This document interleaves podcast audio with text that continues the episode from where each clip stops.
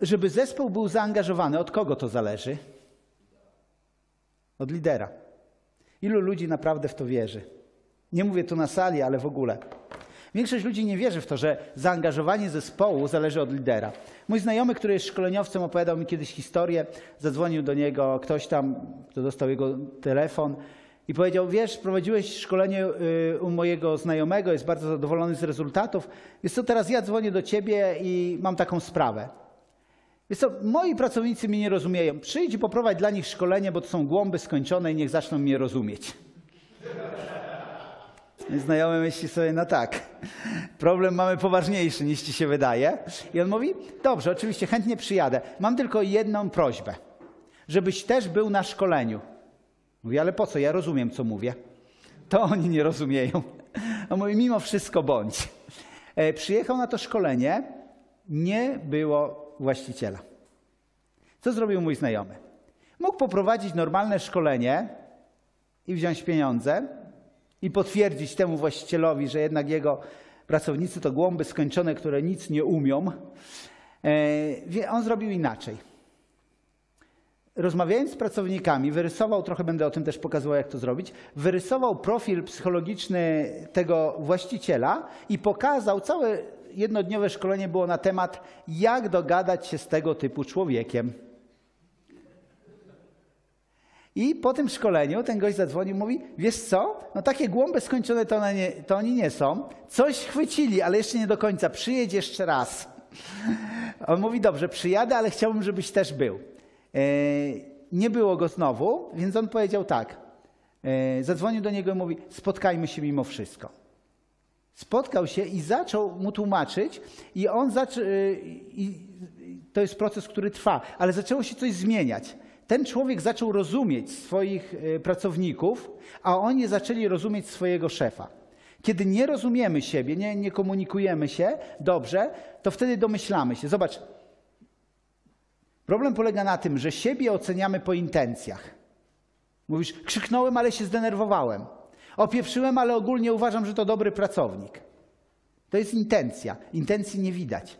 To, co ludzie widzą, to widzą Twoje zachowanie na zewnątrz. Innych ludzi oceniamy po zachowaniach, siebie oceniamy po intencjach. Jeżeli ludzie nie poznają nas, nie znają naszych intencji, nie są w stanie w żaden sposób do nas, e, do nas dotrzeć. Hmm. Czy ktoś, ktoś, z Was kojarzy, szczególnie jeżeli zarządzacie ludźmi, e, takiego człowieka jak Patryk Lencioni? Jeżeli nie, to koniecznie przeczytajcie jego książkę Pięć dysfunkcji pracy zespołowej. I jest też świetny wykład, jak stracić swoich najlepszych ludzi. Większość ludzi się zgadza z tym, że to od właściciela firmy zależy, czy pracownicy się angażują, czy nie. W teorii zgadza się z tym większość ludzi. W praktyce większość ludzi nie wie, jak to zrobić.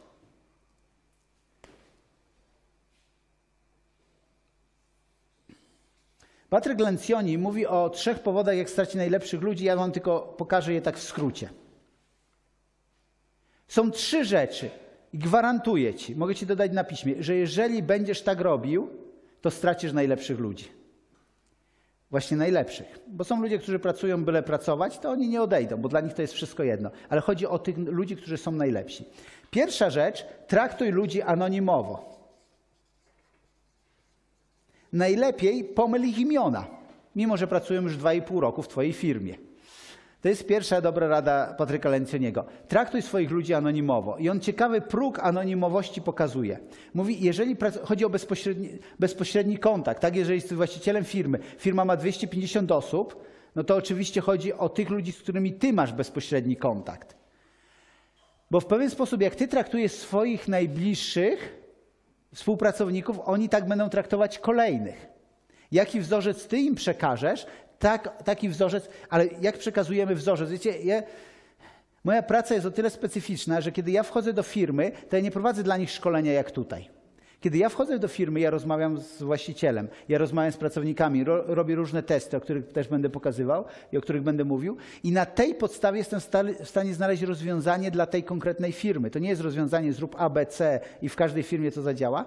Na przykład, jedna z prostych rzeczy, kiedy ktoś mówi, ale z szacunkiem odnoszę się, na przykład to są menadżerowie średniego szczebla. Z szacunkiem się do nich odnoszę. Może być prawda, absolutnie. Tylko jeżeli bez szacunku mówisz o pracownikach, to chociaż oni czują się szanowani przez ciebie, to nie będą szanować pracowników, bo ty mówisz o nich bez szacunku. Rozumiecie? Taki niuans, tak? I teraz, gdzie jest granica anonimowości? Granica anonimowości jest taka, że jeżeli to są twoi najbliżsi współpracownicy i rodzi im się dziecko, umiera ktoś z bliskich z rodziny, albo poważnie choruje ktoś z bliskich osób i ty o tym nie wiesz, to ten próg anonimowości jest dobrze zachowany w firmie i masz duże szanse stracić najlepszych ludzi. Rozumiesz, jest taki próg, gdzie ludzie chcą nie być anonimowi. Oczywiście to nie chodzi o to, że ty musisz znać jego najgłębsze sekrety i po prostu zwierzać się i pocieszać. Nie, nie. Ale mówię, że jest pewien próg, przy którym potrzebujemy wiedzieć pewne rzeczy. Jeżeli tych rzeczy nie wiemy, nie na zasadzie wiemy, bo przeczytaliśmy w CV, wiemy, bo śledzimy go na Facebooku z anonimowego konta, tylko wiemy dlatego, że mamy pewien próg relacji, to zadziała. Drugi powód, dla których łatwo stracić najlepszych ludzi, to jest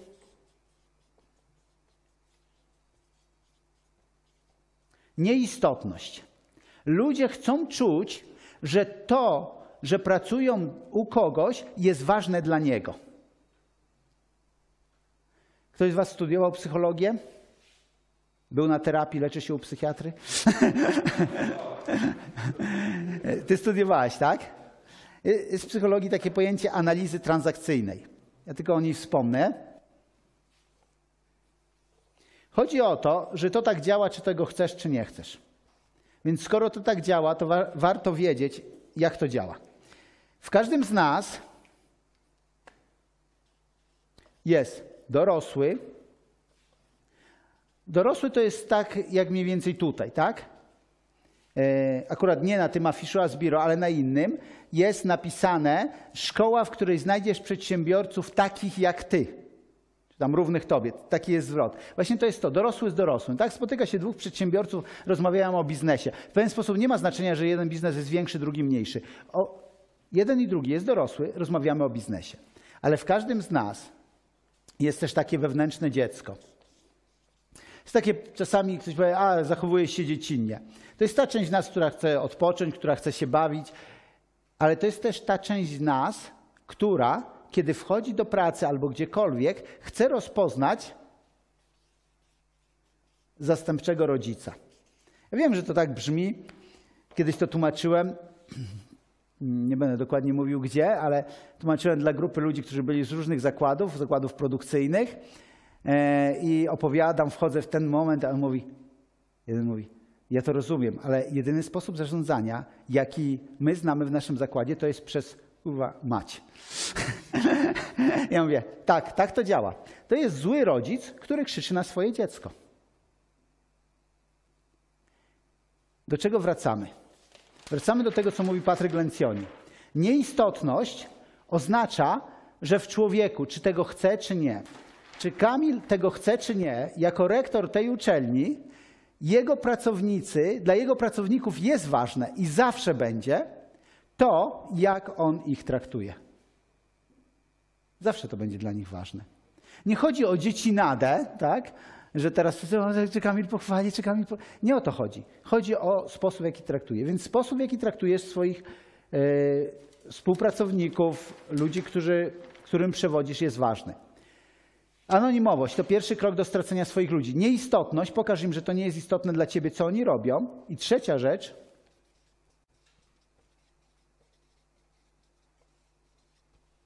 Niewymierność.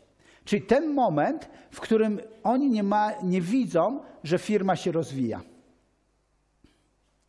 Obserwując czasami rynek y, blogerów, podcasterów, youtuberów y, na całym świecie, szczególnie tych, którzy naprawdę coś osiągnęli, zauważyłem ciekawą rzecz, że wielu z nich, kiedy zaczynało, te ich nagrania były kiepskiej jakości. Te ich wpisy nie były najlepsze. Te nagrania na YouTube są śmieszne.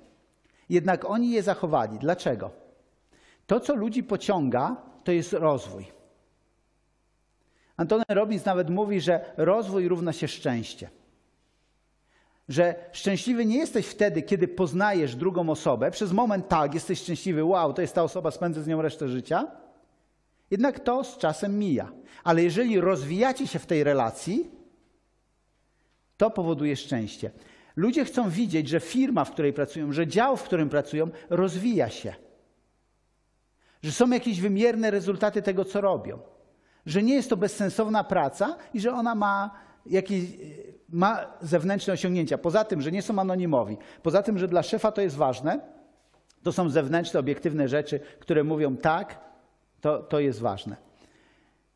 I teraz, jeżeli chcesz zbudować zaangażowanie zespołu, zaczynasz od lidera. Lider jest tą pierwszą osobą, która potrzebuje w odpowiedni sposób potraktować e, pracowników. Jako przerywnik tylko powiem, e, ilu z Was słyszało o tak zwanej kanapce motywacyjnej? Wiecie o czym mówię, tak? Że wybrać sobie tak, taki hamburger, tak, że tutaj jest, mówisz pozytywne rzeczy, mówisz negatywne i na końcu mówisz pozytywne, tak?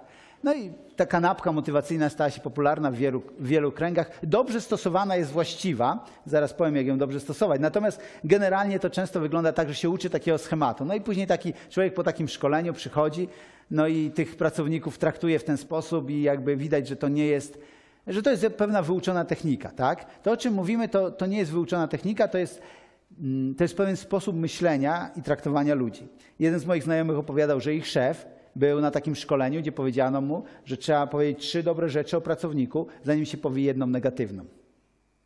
Po czym, kiedy wrócił z tego szkolenia, przed szkoleniem zachowywał się tak. Wpadał do działu, którym zarządzał, otwierał drzwi, zrybkę robił, wychodził, trzaskał drzwiami.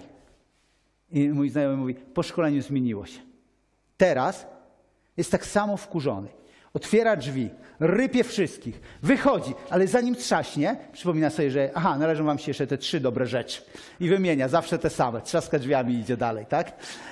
E, nie o to w tym chodzi, tak? Ja nie mówię o czymś takim, nawet jeżeli będę tu mówił o jakichś technikach czy coś, nie mówię o czymś takim, mówię o tym, pewnym zmianie myślenia i podejścia do ludzi. Natomiast a propos tej samej kanapki motywacyjnej, dobrze użyta ona ma sens. Te trzy rzeczy, które y, nie muszą być trzy. Te rzeczy, które mówisz na początku pracownikowi, to jest tak, co się najczęściej dzieje? Najczęściej ilu z Was w pracy było regularnie chwalonych? Podnieście rękę do góry. OK. I to jest brak feedbacku, który mamy. I teraz pracownik, który jest dobrym pracownikiem, nie jest regularnie chwalony. Patryk Lencjoni tak odszedł z pierwszej pracy. Nie był regularnie chwalony. Domyślał się, że jest dobry, dostawał nawet podwyżki, dostawał jakieś premie, nikt go nie chwalił. I w pewnym momencie ta nieistotność dla przełożonych była już dla niego tak nie do wytrzymania, to była jakaś duża korporacja. On przyszedł, złożył papiery i ten szef mówi, ale dlaczego? I on mówi, jestem tu nieistotny. On mówi, jak nie jesteś istotny, płacimy ci coś, ten. I zaczął mu mówić, jak go doceniają. On mówi, za późno, już jest za późno. Znalazłem inną firmę i kiedy szukał innej firmy, szukał firmy, gdzie ludzie są ważni dla innych ludzi. I to jest właśnie to. Jeżeli nie sprawisz, że ludzie będą się czuli, że są istotną częścią, a w kanapce motywacyjnej chodzi o to tak. Jeżeli spotykasz się z pracownikiem, który coś zawalił, mówisz mu, jak go widzisz. Mówisz mu te wszystkie pozytywne rzeczy. Tak? Potem mówisz mu, w czym nawalił, rozmawiasz z nim o tym, i mówisz, że okej, okay, działamy dalej. Tak, to jest naprawdę ten sens. Tak? E, I teraz ktoś kiedyś mi powiedział, ja nie wierzę w te kanapki motywacyjne, ponieważ zawsze jak słyszę, że ktoś mnie chwali, to wiem, że potem dostanę zrybkę. Ja mówię tak, to jest możliwe w jednym wypadku, kiedy ktoś cię chwali tylko dlatego, żeby cię upomnieć. Tak naprawdę, jeżeli nie ma regularnych pochwał, jeżeli nie ma w firmie pokazania, że jesteś istotny i ważny, to tak się niestety rzeczy będą kończyć. Ok. Więc kiedy wchodzę do firmy, wrócę do pierwszego rysunku, pokażę Wam mój sposób pracy i postaram się na tyle, na ile będę mógł tutaj, żebyście mogli też to wy, e, wykorzystać. Jeżeli będziecie mieli pytania, możecie stawiać w trakcie, ale ja też taką przede wszystkim część E, kiedy skończę, będę odpowiadał na, na, pytania. Myślę, że w kontekście całości on, łatwiej będzie też zadać pytania, albo łatwiej mi będzie też odpowiedzieć na niektóre. E, dwie rzeczy, które robię, kiedy wchodzę do firmy na samym początku. Pierwsza